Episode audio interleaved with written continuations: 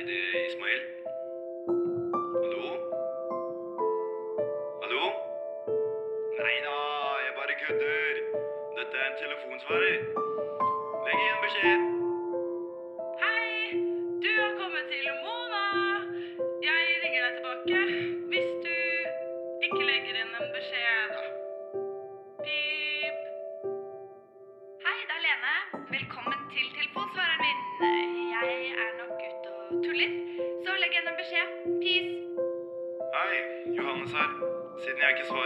Ikke snakke med deg. Men du vil kanskje si noe likevel? Kjør på. Gjørv-rapportens kapittel 2.2, side 17. Like før klokken 15.00 satte Breivik sin hjemmelagde bombelast i bevegelse. Et snaut kvarter senere svingte varebilen inn Grubbegata fra grensen. Klokken 15.17 var den framme ved Einar Gerhardsens plass. Ingen fysiske sperringer hindret den store varebilen i å kjøre opp foran Høyblokka, som huset både Justisdepartementet og statsministerens kontor. En kjetting med et innkjøring forbudt-skilt på sperret deler av innkjørselen mot Høyblokka, men det var rikelig med plass for biler til å passere den. Breivik parkerte bilen kloss inntil bygget ved inngangspartiet. Etter om lag 20 sekunder steg han ut og låste døren til førersetet. Han hadde da satt fyr på lunten. Med pistol i hånden, hjelm med nedtrukket visir og iført en politilignende uniform gikk han med raske skritt opp Grubbegata i retning Hammersborg. I de om lag sju minuttene det tok fra Breivik forlot bilen til bomben gikk av, passerte ca. 70 mennesker den feilparkerte varebilen. Ingen av de forbipasserende var politi eller sikkerhetsvakter.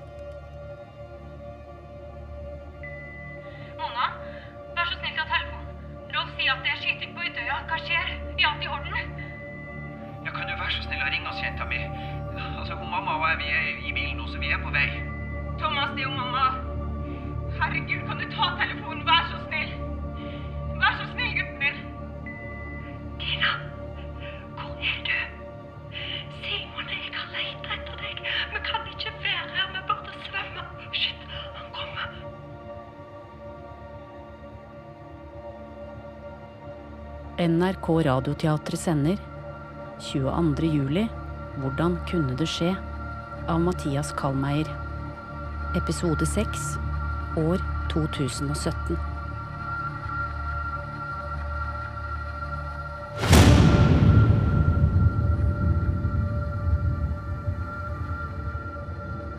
Jeg ba operasjonssentralen om å trykke på den aller største alarmknappen umiddelbart. Politiets første mann i regjeringskvartalet. Jeg visste ikke hvor katastrofeberedskapsplanene ble oppbevart. Operasjonsleder Oslo politi. Jeg så en mann i en slags politiuniform sette seg inn i en Fiat Duplo med registreringsmerke DB43556. Han hadde våpen og kjørte mot enveiskjøringa. Jeg varsla 112 umiddelbart. Øyevitne i Grubbegata før det smalt. Jeg trodde det var en eksplosjon i VG-bygget. Departementsråden i Justis- og beredskapsdepartementet og øverste sjef for antiterrorplanverket. Jeg tenkte ikke på eksplosjonen som et terrorangrep, og reflekterte følgelig ikke over hvorvidt terrorplanverket var relevant. Ferievikar for politidirektøren. Vi hadde ingen oversikt over hvem som var på vakt, og hvor de var. Eh, Heller ikke hvem som skulle tilkalles i en nødsituasjon. Jeg visste ikke hvor ferielistene lå. Operasjonslederen i Oslo politidistrikt. Det tok åtte timer å få sikringspersonell rundt Stortinget i Oslo. Mens ambassadene våre i Stockholm, København og Helsinki var sikret av lokalt politi to timer etter at bomben gikk av i regjeringskvartalet.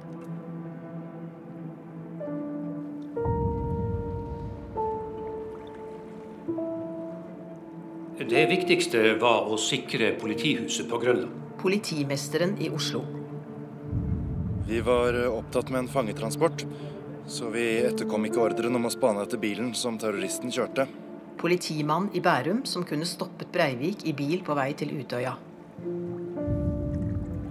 Hengeren som utrykningsbåten sto på, var punktert. Politimann i Buskerud. Ingen visste hvor Utøya var hen, Og vi hadde ikke GPS i bilene våre. Lederen for beredskapstroppens første patrulje til Utøya. Buskerud og Vestfold bruker ikke samme kommunikasjonsnett, så vi fikk ikke kontakt med hverandre. Gjørv-rapportens kapittel 14.7, side 334. Kort tid etter eksplosjonen kjørte en politibil fra Agder politidistrikt gjennom Oslo og inn i Bjørvika-tunnelen. Den blir forbikjørt av Breivik, som da er på vei til Utøya. Breivik tar av i sentrum, men de to bilene møtes igjen på E18 ved Lysaker klokken 15.57.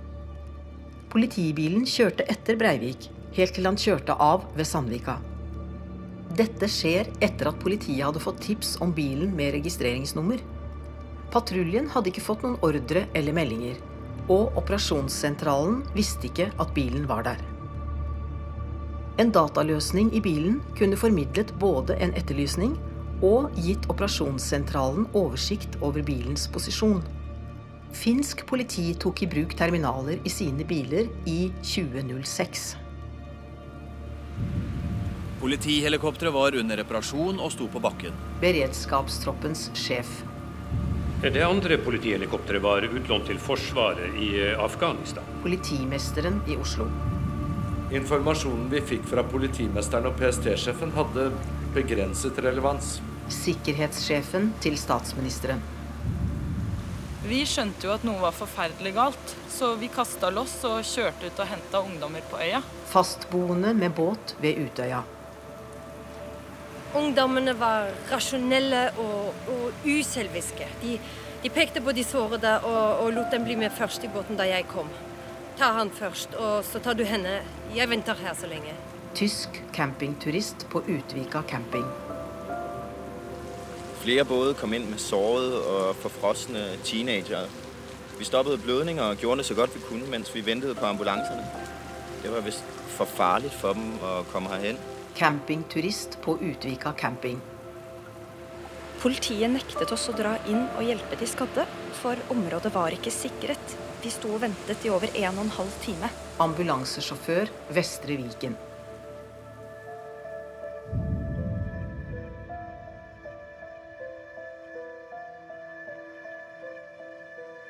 Gjørv-rapportens kapittel 6.6, side 90. Til tross for den uavklarte situasjonen uteble flere viktige og nærliggende tiltak som kunne forberedt politiet og samfunnet mot nye anslag.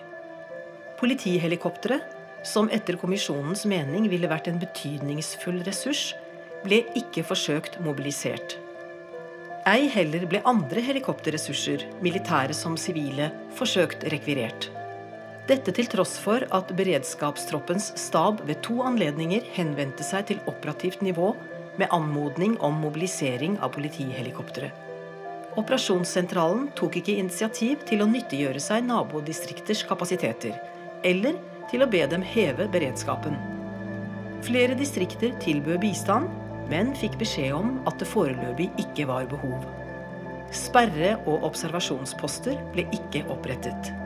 Lokal redningssentral ble ikke mobilisert, hvilket kunne ha lettet tilgangen til og koordineringen av de øvrige redningsetatenes ressurser. Etter eksplosjonen reflekterte man tilsynelatende ikke over muligheten for å sende ut riksalarm. Det ble heller ikke tatt initiativ til å aktivere terrorplanverket.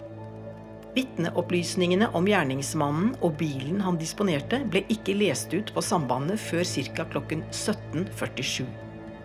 Disse opplysningene ble heller ikke formidlet til mediene for varsling av publikum via radio og fjernsyn. Veitrafikksentralen i Oslo, som har et omfattende nettverk av kameraer, ble ikke varslet. Kommisjonen har i det hele funnet få spor av operative tiltak som hadde til formål å avverge eller forberede seg på eventuelle sekundæranslag. Videre mener kommisjonen at slike tiltak kunne ha ført til at gjerningsmannen og bilen han kjørte, kunne blitt oppdaget. Gjørv-rapportens kapittel 1, side 15. Myndighetenes evne til å beskytte menneskene på Utøya sviktet. En raskere politiaksjon var reelt mulig. Gjerningsmannen kunne vært stanset tidligere enn 22. juli.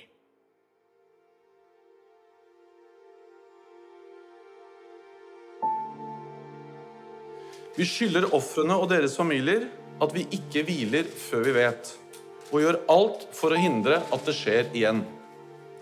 Vårt mål er større trygghet. Statsminister Jens Stoltenberg 2012. Beredskapen skal styrkes. Menneskene skal trygges. Justisminister Grete Faremo 2012. Da må vi iverksette alle mulige tiltak som vi kan så fort som overhodet mulig. FrPs Siv Jensen 2012. Her kan vi lære mye av at vi skal øve og trene på de verste scenarioene på en bedre måte. Høyres Erna Solberg 2012.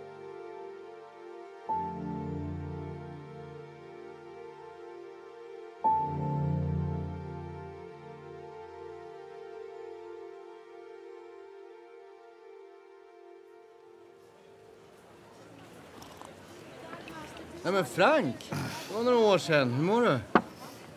Håkan, hyggelig å se deg. Vil ikke slå deg ned? Ja, det Eh, Deux Grand Bresson, s'il vous plaît. Vi ses. Så eh, Tilbake i Brussel. Ja. Og på ditt stamstelle også. Nato også. Og du selv? Fortsatt Global Shield? Ja, ja visst. Vi har fulgt opp der nå. Selv med all den overvåkingen så herjer terroristene med oss. Ja, Det er jo ikke så mye bomber og skjutvapen lenger. Nå er det lastbiler og ykser. 2016 var vel det verste terroret til nå? Var det ikke det? Ja, det er i alle fall det verste på lenge. Jeg undrer hva som venter i 2017. ja. Ja, Det er jo umulig å sikre seg siden helt vanlige ting kan brukes til å gjøre skade. Så. Ja, vi- altså, vi kan jo ikke overvåke varenda bil eller gressklippere heller. Nei, men disse livsfarlige kantklipperne kan dere vel holde styr på? Ja, altså Ja. det neste det blir vel våpenlisens på hekksakser också. Hur är det på hemmafronterna? Det var helt jævlig. Hæ? Jeg blir syk bare jeg tenker på det. Alltså, är det så eller? Etter 22. juli så var det ikke måte på hvor varmt og vakkert samfunnet vårt skulle bli. Nei. Vi skulle alle elske hverandre, og Stoltenberg snakket som om han kom rett fra Woodstock. Ja, Voilà, monsieur. Merci. Ja, ja, det kommer jeg ihåg. Hele verden var imponert. Kungen holdt tal og statsministeren og talmannen Ja da, Det var ikke mangel på varmt snakk om medmenneskeligheten vi nå skulle verne om, siden terroren ikke skulle ta fra oss vår kjærlighet til hverandre. Hører jeg et men her nå? Ja, det har gått stikk motsatt vei. Det norske samfunnet er blitt hardere, kaldere og mer brutalt. Aha. Fremmedfrykten vokser, og den medmenneskeligheten som skulle vernes om, er fullstendig glemt i det offentlige Norge. Men så ille er det vel ikke? Vi bryter vedtektene i den internasjonale menneskerettserklæringen. Vi bryter og blokkerer utvidelser i FNs barnekonvensjoner. Vi gir til og med fritt ord-stipender til rasistiske bloggere, så de ikke skal hindres i å spre hat. Er det sant? Ja, ja, ja. Fjordmannen er nå en sponset blogger av Fritt Ord, han. Nei, men Herregud. Ikke sant? Ja. Siste nytt er at vi har begynt å kaste ut godt etablerte og integrerte flyktninger fordi de kanskje løy et år på alderen sin eller noe sånt, da de først kom til landet. Vi tar ikke vår del av de internasjonale kvoteflyktningene. Vi sender syke mindreårige tilbake til krigsherjede land. Det siste er at vi bruker penger fra uhjelpsbudsjettet til å løse våre innenriksutgifter i forbindelse med flyktninger. Nei, det er ikke mulig. Det låter jo som noen slags omvendt Robin Hood-politikk. Ta fra de mest nødlidende og gi til verdens rikeste land. 1,1 milliard fra uhjelpsbudsjettet i 2015 rett inn i kommuneøkonomien og private asylmottaksbaroner. Nei. Det er ikke rart vi er verdens lykkeligste land. Skål. Herregud.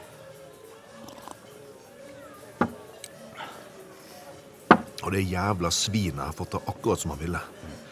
Norge prøver å stenge alle andre ute og vil la verden seile sin egen sjø. Sorry. Nei, nej. Du behøvde visst få ut det. For så vidt, men det er, det er så skammelig, det som skjer. Jo, men hva skal man gjøre? Vi lever i demokratier. Folket bestemmer. Folk vet ikke alltid sitt eget beste. De må ofte beskyttes mot seg selv. Det var vel knappast en demokratisk tankegang. Nei. Nei, jeg vingler som en fyllik mellom Trumps retorikk og ønsket om et åpent og tillitsfullt samfunn hvor menneskeverdet settes høyest. Det kan virke omöjligt som det ser ut just nu. Jo, men folk stoler på oss. Stoler på myndighetene.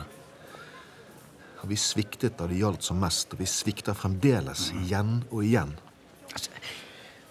Det jeg ikke fatter, det er hvor dårlig samarbetet mellom nødhjelpsetatene var. Jeg, jeg hørte et rykte om at militæren kunne ha tatt ut morderen tidligere. Ja, det var mye politiet burde gjort bedre, men at de avslo hjelp fra Forsvaret, var kanskje det verste. Hva kunne de ha gjort, da? Rett etter bomben sprengte, så skjønte Forsvaret på Rena at det var terror, og tilbød sitt helikopter og mannskap. Politiet avslo. De kunne vært i Oslo på under 40 minutter. De kunne spanet etter bilen. De kunne stanset han lenge før han nådde Utøya. Hadde det virkelig vært mulig? De har skarpskyttere i det helikopteret. Ja. De gjør sånne ting i utlandet hele tiden. De kunne vært der en halvtime før, kanskje enda tidligere. De kunne reddet halvparten av de ungene. De ungene kunne vært i live i dag. Ja, du kan ikke tenke så der alle om og men Hadde de bare blitt spurt med en gang, så kunne de funnet bilen hans med helikopteret allerede før han kom til Utøya. Ja, du bare spekulerer nå. Det der er Kanskje Amira kunne vært i live. Og Leif. Du kan ikke plåge deg selv med alle de der tankene. Altså, du, du gjorde jo alt som bare var mulig. Jeg ble med på en hestehandelspolitikk innad i departementene hvor man under bordet skaltet og valtet med nasjonens sikkerhet. Jeg ble akkurat en sånn mann som jeg ikke skulle bli. Ja, ja. Tiden leker alle sår. Du, jeg, jeg tror at jeg måtte hake på mine kolleger. Nei, nei, nei, sorry. Nei, nei, nei. Håkan, ta en øl til. Jeg skal skjerpe meg. Ok. En liten, da. Ok. Egentlig undrer jeg hvordan du har det. Hvordan går det med Sofia og Ja. Nei, jeg har klaget nok. Encore deux, s'il vous plaît. Du, da? Har du et liv, eller?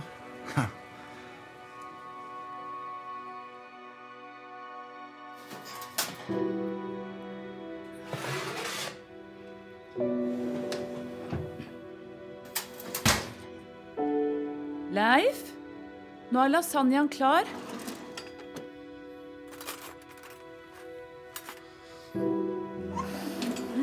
Det lukter godt. Ja, sånn. Skal vi se Der. Skjenker du vin til meg? Ja. Mhm. Oi. En medokk. Mhm.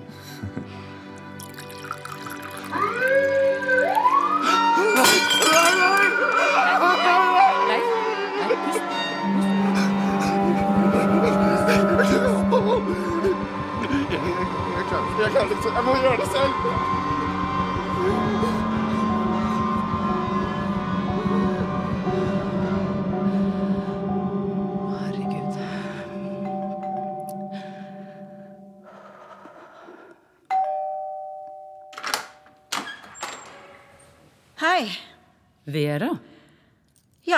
Ja, ja, da er leiligheten solgt, og jeg fant disse ekstranøklene til vaskeriet og sykkelboden.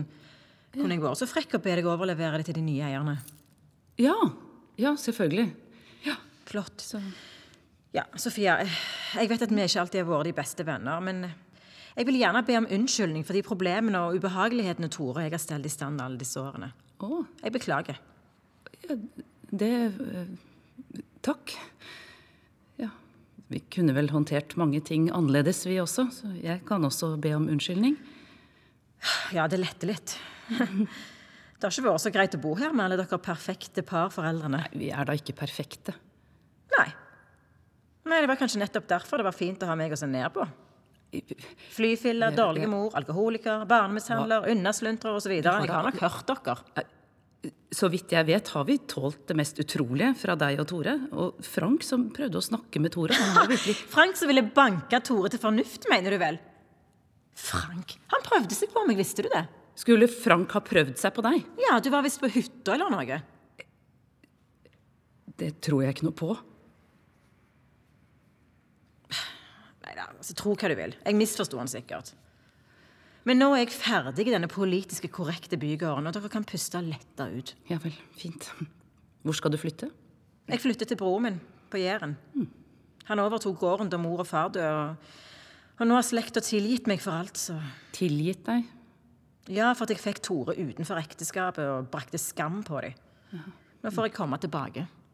Men vil du tilbake dit, da? Ja, det er jo der jeg hører hjemme.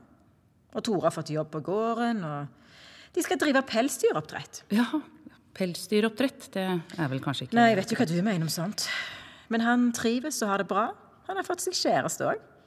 Og jeg satser i hvert fall på et nytt liv der. Hmm. Mhm. Ja. Her har du nøklene. Jeg får dra, da. Ja, takk. Farvel, da.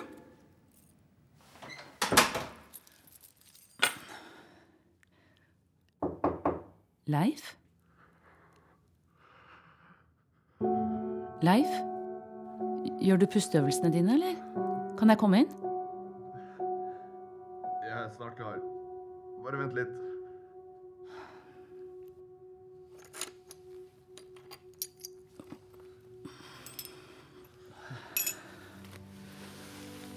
Unnskyld, mamma. Jeg skal finne en klut.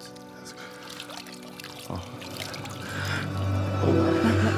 Leif, du, du ikke, ikke, ikke se på deg. Jeg har snart tørket opp. Jeg har snart tørket opp. Sånn, unnskyld, jeg skulle kjøpt hvitvin. Ja, det- det Jeg skulle kjøpt hvitvin. Det går jo Sånn. Sånn. Der. Nå. Nå tror jeg det er greit. Sånn. Skal vi kanskje sette oss i stua i stedet? Ja, kanskje det. Mm. Hørte du hvem det var, eller? Ja. Du må ikke høre på henne. Hun er en manipulator og får alle til å føle seg skyldige. Ja, du kjenner henne vel bedre enn meg. Ja, jeg var der masse da jeg var mindre. Hun skremte meg alltid litt. Men nå skal de flytte, og jeg føler meg truffet av det hun sa. Ikke bry deg. Nå får de det fint på landet. Men jeg bare syns det er så vanvittig at han jævla Tore får et ordnet liv og klarer seg med jobb og kjæreste og greier, mens Mens hva da? Nei. Mens jeg, som skulle ut i verden og gjøre store ting. Jeg besvimer jeg av angst hvis jeg hører en syk Nei, ikke sånn. Men du klarer deg jo veldig bra i perioder. Men, men du hadde fantastiske fremtidsutsikter, og de ble knust av det monsteret. Men mamma Det hadde ikke hjulpet meg noe som helst at Tore fortsatte med å kjøre livet sitt rett ned i grøfta. Jeg hadde ikke hatt det bedre, jeg, hvis han satt full av dop på rommet sitt og skrev hatmeldinger på internett. Nei, nei, nei. Selvfølgelig ikke, men, men det er urettferdig på en måte. Ja, Men man kan ikke tenke rettferdighet når det gjelder hva slags liv man får. Amira døde, og jeg lever. Er det rettferdig? Du er så fin, Leif. Du har rett, vet du.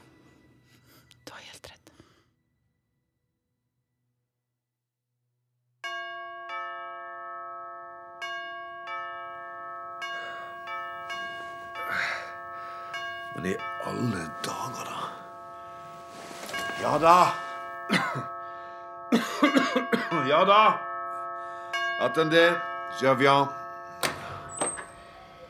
Herregud, Frank. Hvordan er det du ser ut? Ja, bonjour, madame ambassadør. Hva gjør du her så ukristelig tidlig? For det første er det ikke så tidlig.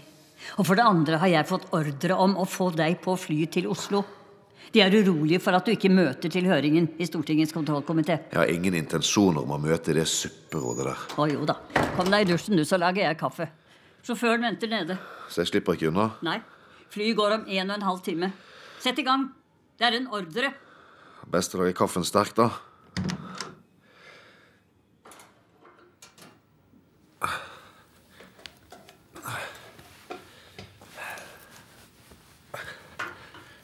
Gått mer enn fem år siden drapene på Utøya, er ikke noe argument for ikke å møte i Stortinget. Nei, men at de ikke har gjennomført noe av det de lovte skulle bli gjort for å øke sikkerheten i Norge, det er et argument for at det er bortkastet tid å dra. Tvert imot. Det er nettopp fordi ingenting blir gjort at du må møte. Jeg blir dårlig bare jeg tenker på de politikerne som sitter der og hykler samfunnsengasjement, mens det eneste de tenker på, er ministerpostene sine og neste valg. Ja, du kan ikke skjære alle over en kam. Der kaffen er klar. Takk. Det er et spill for galleriet. En medial teaterforestilling. Jeg vet at du syns de er noen feige stakkarer. I beste fall. Ja, Og i verste fall moralsk korrupte. Jeg brukte vel ordet moralsk forkvaklet. God kaffe. Mm, takk. Ja, Men den ansvarspulveriseringen som du snakker om, den som gjør at du forakter politikerne så mye, den blir ikke mindre at du også løper fra ansvaret ditt. Jeg har tatt ansvaret mitt. Jeg feilet fatalt. Det fikk dødelige følger for 77 mennesker. og Over 2000 ble skadet. og Gud vet hvor mye annen lidelse jeg er skyldig i. Og Derfor så sa jeg opp jobben min. Du straffer deg selv for hardt. At du sa opp jobben din fordi du håpet at noen andre skulle gjøre det bedre. Ja, hvordan er det gått, da, syns du? Nei. Ja, nettopp. Det er faktisk ingen som klarer det bedre enn nå heller. Og det er derfor du må møte. Fordi du er den eneste som kan peke på hvilke feil som er i ferd med å bli gjort om igjen. Ja, Men de vil ikke høre. Ja, De hører i hvert fall ikke hvis du ikke sier noe. Ja, bruk pressen av det til stede. Presten i lomma på makten. Rævadilter og spyttslikkere hele gjengen. Slutt nå å synes så synd på deg selv, da. Det er ikke du som er offeret her. Jeg syns ikke synd på meg selv. Men jeg klarer ikke denne jobben. Du, Kom deg nå på det flyet, og så sier du din mening på høringen. Ja da, mamma. Jeg drar. Mamma, du, liksom. Ja ja, hvis jeg nå først er mammaen din. Forsiktig på forholdet ditt til Sofia, da, i samme slengen. Det er lettere sagt enn gjort.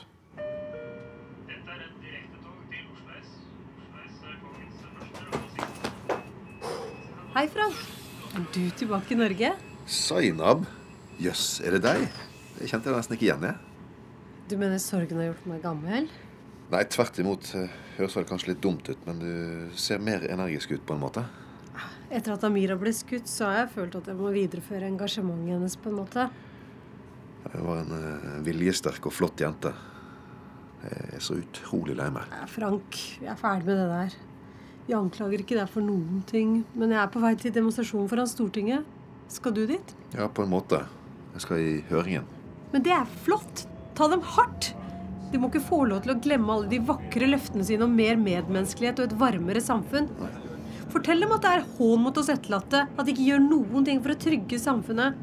De får det til å virke som de døde helt forgjeves. Det virker som politikerne gir blaffen i at vi kan bli rammet igjen av en eller annen gærning. Jeg skal forsøke. Du må ikke forsøke, bare. Du må nå frem til dem. Det er din plikt. Vår plikt. Alle sammen. Jo, du eh, har vel for så vidt rett. Du er da vel rasende, du også? Leif er jo også et offer. Hvordan går det med da? Jo, han eh, prøver seg på en jobb i et postordrefirma med en del andre med de samme utfordringene. Ja, det er en institusjon, på en måte. Han har så høye ambisjoner. Ja, det er, det er forferdelig vondt å se hvordan han sliter psykisk. Håper han kommer seg igjen. Det er håp. Han lever i hvert fall.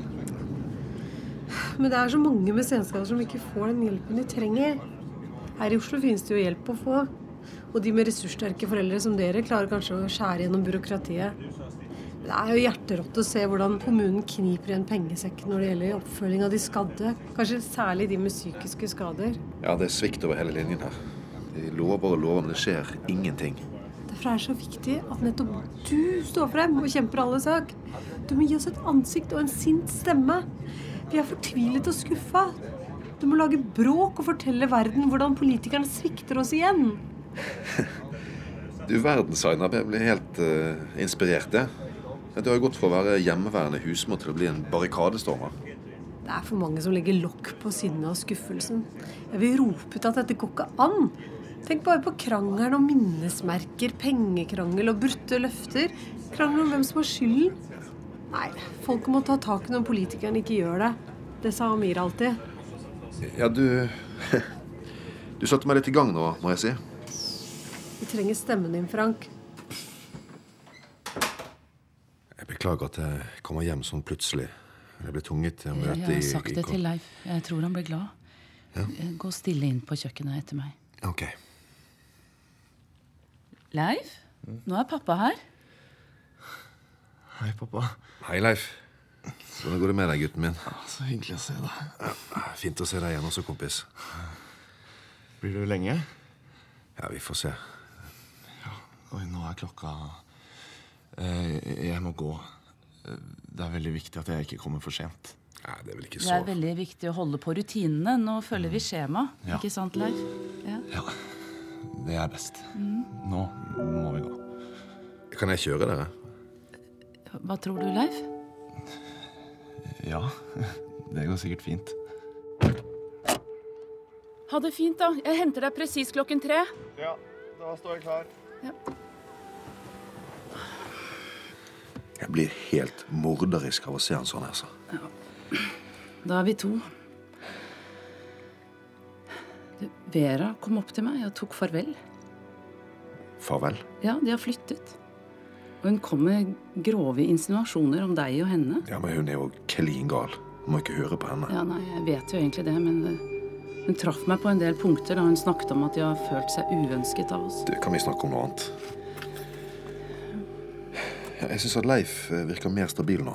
Ja, det går litt bedre for hver uke, men så plutselig så får han angstanfall igjen. Hvordan går det med dine ja, anfall? Ja, Når jeg er på jobb, så går det greit. Men av og til på natten så kveles jeg nesten. Ja, jeg får sånn skyldfølelse at jeg Ja. ja. Drikkingen, da? Noenlunde kontroll. Av og til for mye. Og du, da? Sover du? Jeg må ta noen piller av og til, men det er ikke så ille. Men jeg har liksom ikke noe kraft.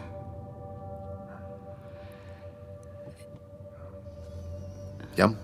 Mm. Når er høringen? 1400. Han savner deg veldig. Sier han det selv, eller? Nei, han vil ikke tvinge deg hjem igjen. Tror du ikke en runde til med litt psykolog og kanskje en annen parterapeut kunne hjulpet? Vil du ha meg tilbake, da? Jeg vil gjerne ha gamle Frank tilbake, men ikke han selvpisken og drikkende Frank. Han kan heller holde seg i Brussel. Ja, men Kanskje gamle Frank kan få invitere deg på en sen frokost på gang, da?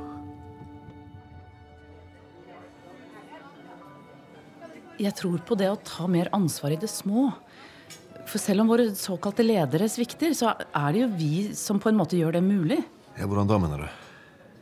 Vel, I det daglige så tillater vi oss å holde avstand, ikke ta ansvar, ikke blande oss, ikke bry oss. Og Er det den eh, nabokjerringa som Gro Harlem snakket om, du ønsker tilbake?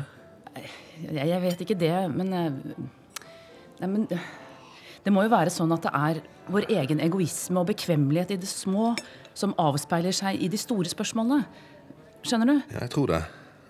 Du mener at når Erna og gjengen ikke tør å diskutere menneskerettigheter med Kina eller ta imot dissidenter fra USA, så er det pga. den samme frykten for ubehageligheter som gjorde at jeg ikke tok skikkelig tak i situasjonen med sikkerhetsarbeidet her i landet? Ja, ja. Eller, eller helt ned til det hverdagslige, for den del. Det som Vera sa til meg, gnager.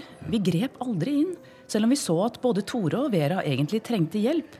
Er ikke hele samfunnet vårt blitt sånn? Vi vender oss bort fra barn som blir mobbet på gaten. Vi lar narkomane dø av mangelsykdommer. Vi jager tiggere fra sted til sted. Vi kaster ut eh, syke flyktningebarn. Som igjen gjør at politikerne våre gir blaffen i rettsprinsipper, menneskerettigheter, ytringsfrihet og trekker seg fra alle upopulære beslutninger. Den brutaliseringen som skjer i samfunnet vårt, er bare mulig fordi vi lar det få lov til å bli sånn. Vi sier ikke noe, for det er mest bekvemt. Ja. Jeg skal i hvert fall ikke gjøre det bekvemt for meg selv denne gangen. Aamodt? Frank Aamodt, hva forventer du i denne høringen? Jeg forventer at vi får fakta på bordet om hvorfor beredskapen fremdeles ikke er bra nok. Er du redd for å få kritikk for at du forlot jobben din etter 22. juli? Nei, jeg sviktet totalt. Og det er ingen som kan kritisere meg mer enn jeg kritiserer meg selv. Men hva er grunnen til at beredskapen er så svak i Norge? Ja, det jeg har å melde, skal komiteen få høre først. Unnskyld meg. Hva mener du om den nye politimesteren i Oslo? Hei sann. Jeg tror ikke vi har hilst. Frank Aamodt, Nato-liaison Brussel. Ja. Åge Humlestad, politimester i Oslo. Ligger dette skjemaet, eller er det deg før meg?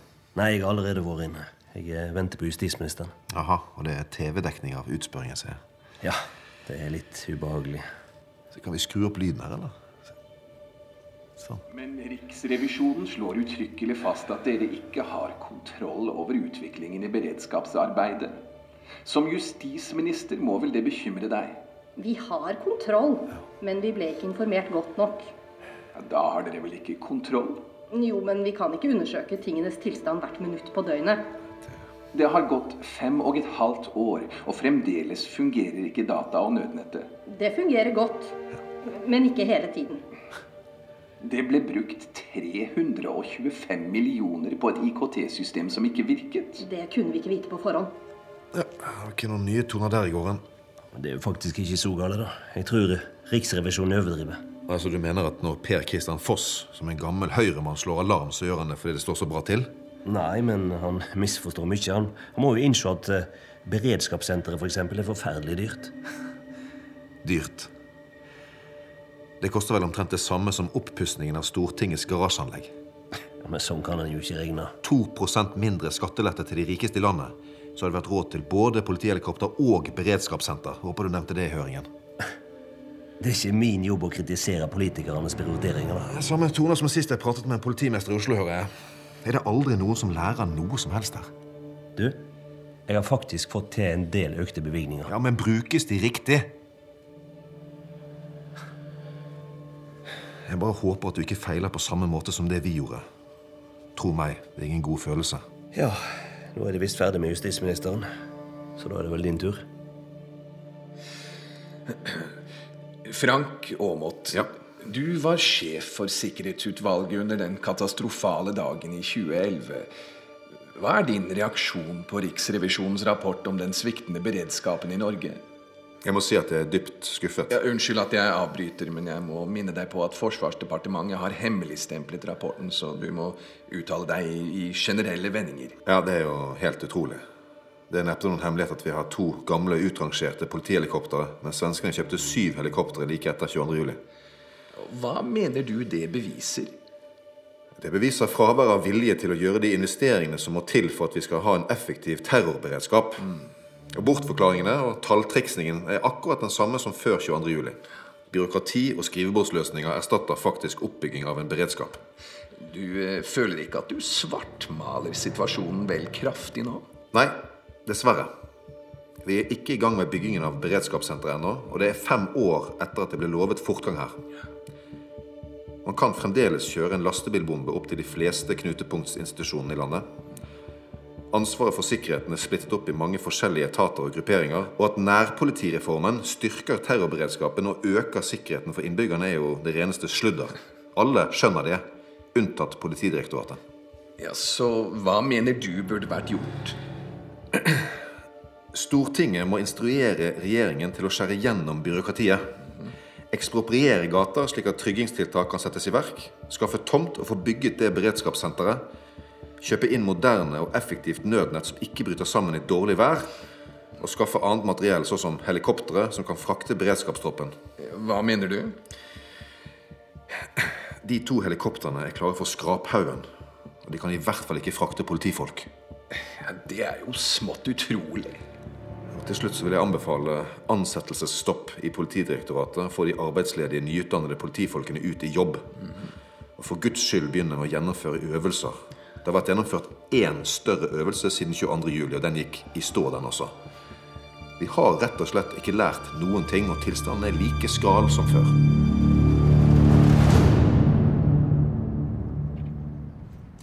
Aamodt, får vi noen kommentarer? Hva mener du om høringens innhold? Så lenge hovedinnholdet er hemmeligstemplet, så kan jeg ikke kommentere spesifikt. Men uh, hvis dere vil vite hva jeg tenker, så skal jeg gjerne dele det med dere. Eh, Kan jeg, kan jeg få filme? Ja, få opp kameraet, du. Er det greit lys her? Ja, flott. Sånn. Eh, Frank eh, Aamodt, som tidligere leder av Sikkerhetsutvalget, hva er dine tanker om beredskapen i Norge, nå som du har lest Riksrevisjonens rapport? Først og fremst så, så er jeg trist. Jeg er desillusjonert. Jeg har i snart 16 år fulgt prosessen med å sikre Norge mot terror. Og jeg har vært vitne til et byråkrati og et politisk miljø som svikter sine idealer på det groveste. Dessverre. Unnskyld, kan du utdype det? Ja, Det er en kultur her som ikke handler om å gjøre det man vet man burde, men heller om å gjøre det som lønner seg på kort sikt. Man selger ut idealene sine og forråder de prinsipielle holdningene vi smykker oss med i festtaler. Men med en gang det koster oss noe, med en gang det kan volde oss problemer, så trekker vi oss. I frykt for ubehag. Og politikerne våre gjemmer seg bak floskler og avslører en gjerrighet som er skammelig for en styrtrik nasjon som vår. Men dette ansvaret deler vi alle. Det er vel i hovedsak politikernes ansvar, er det ikke det? En klok kvinne sa til meg at når ikke politikerne tar ansvar, må folket gjøre det. Men dette med frykten for ubehag og konfrontasjoner gjelder jo oss vanlige folk også. Vi viker unna, og da er det vel ikke så rart at myndighetene gjør det samme. Er det andre tanker du gjør deg? Ja, jeg hørte nettopp at den avgåtte direktøren for Politidirektoratet fikk politiets hederskors noen måneder etter massakren på Utøya. Det er temmelig uhørt. Gjørv-kommisjonen peker på en ukultur i ledelsen av justissektoren, og de har helt rett. Vi må få endret denne uvanen med å sparke udugelige folk oppover i systemene og belønne dårlige ledere med fete stillinger innenfor statsadministrasjonen. Ellers blir det aldri noen endring. Du sa jo sjøl opp jobben som leder i Sikkerhetsutvalget. Ja, jeg følte at det var riktig. Ingen vil påstå at jeg gjorde en god jobb. Jeg ble dessverre en del av den ukulturen Gjørv nevner i sin rapport, der feighet og unnfallenhet tåkelegger og utvanner alle forsøk på å gjennomføre reformer som virkelig monner. En kultur der ansvarsfraskrivelse er det viktigste. Det må en skikkelig opprydding til før det er for sent. Igjen. Er det noe konkret du frykter akkurat nå? Nei, men vi så hva en middels organisert galning fikk til, og hvordan vi ikke klarte å håndtere det. Tenk hvis det var to på samme tid. Tenk om det var fire velkoordinerte terrorister som startet en aksjon. Hva ville politiet og Forsvaret gjort da? Riksrevisjonens rapport. Det er risiko for at politiet og Forsvaret, sammen eller hver for seg, ikke vil være i stand til å gi viktige objekter god nok beskyttelse og sikring i en trusselsituasjon. Det mangelfulle samarbeidet omtales som svært alvorlig. Det er det sterkeste uttrykket fra Riksrevisjonen, og kan bety risiko for liv eller helse. Politidirektoratet har ikke identifisert hvilke offentlige og sivile objekter som skal sikres ved hjelp av sikringsstyrker. Politidirektoratet har ikke klart å informere verken politidistriktene, Forsvaret eller Heimevernet om hvilke offentlige og sivile objekter de skal prioritere. Heimevernet er ikke satt i stand til å sikre og beskytte objekter. Permanent sikring av viktige offentlige bygg er ikke i henhold til kravene i sikkerhetsloven. Nei, men vi så hva en middels organisert galning fikk til, og hvordan vi ikke klarte å håndtere det. Tenk hvis det var to på samme tid. Tenk om det var fire velkoordinerte terrorister som startet en aksjon. Hva ville politiet og Forsvaret gjort da? Tøff du er, pappa. Veldig bra.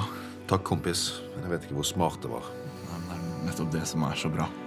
Ja, øh, du nevnte Brussel. Når skal du reise igjen? Jeg skulle ønske at du kunne bli her. Vet du hva? Jeg skal det. Ja. Er du seriøs? Ja. Jeg kommer til å si opp jobben i Nato. Ikke se på meg. Dette er noe du har bestemt helt selv. Jeg presser deg ikke. Nei, ikke, ikke jeg heller. Jobben din har alltid betydd så mye for deg. Ja, men det finnes andre, mer meningsfylte ting man kan gjøre her i livet. Ja. Kjempefint. Det går bra, gutten. Ja, det, det gjør Eller det, det, Leif? Leif, husker du sugerør? Ja, Ja, sånn. Det går bra. Jeg må gå, bare. Går det bra, mann, eller skal jeg Ja, nei, bare la ham roe seg. Men du, Frank, du, du, du skjønner at du må mene det når du sier sånt? Du kan ikke dra nå. Jeg burde ha strammet meg opp for lenge siden. Og nå skal jeg være her for dere. Og jeg skal bruke kreftene mine på å hjelpe andre som trenger det. Tror du at du klarer det nå, da? Å se Leif hver dag sånn? Ja. Jeg er fast bestemt. Og jeg skal også være en bedre mann for deg hvis du vil ha meg her, da. Det kommer veldig brått på. Jeg har savnet han gamle Frank, vet du. Men eh, jeg tror kanskje jeg begynner å like han her nye Frank også. Så ja. Takk. Jeg er sikker på at vi kan klare dette. Vi skal finne en vei sammen, alle tre.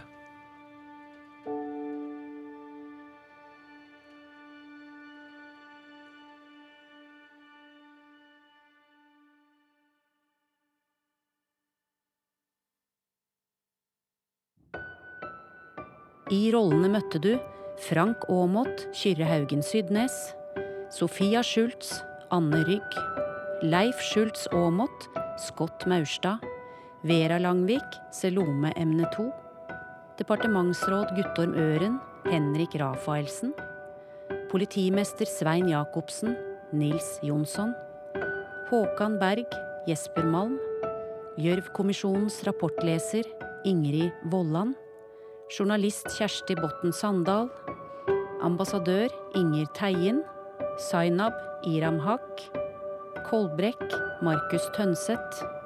Politimester Humlegård, Anders Eide.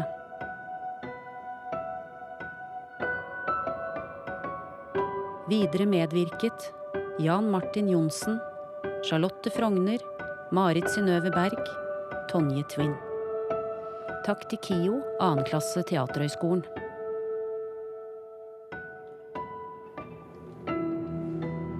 Musikk Jane Kelly og Sindre Hotvedt.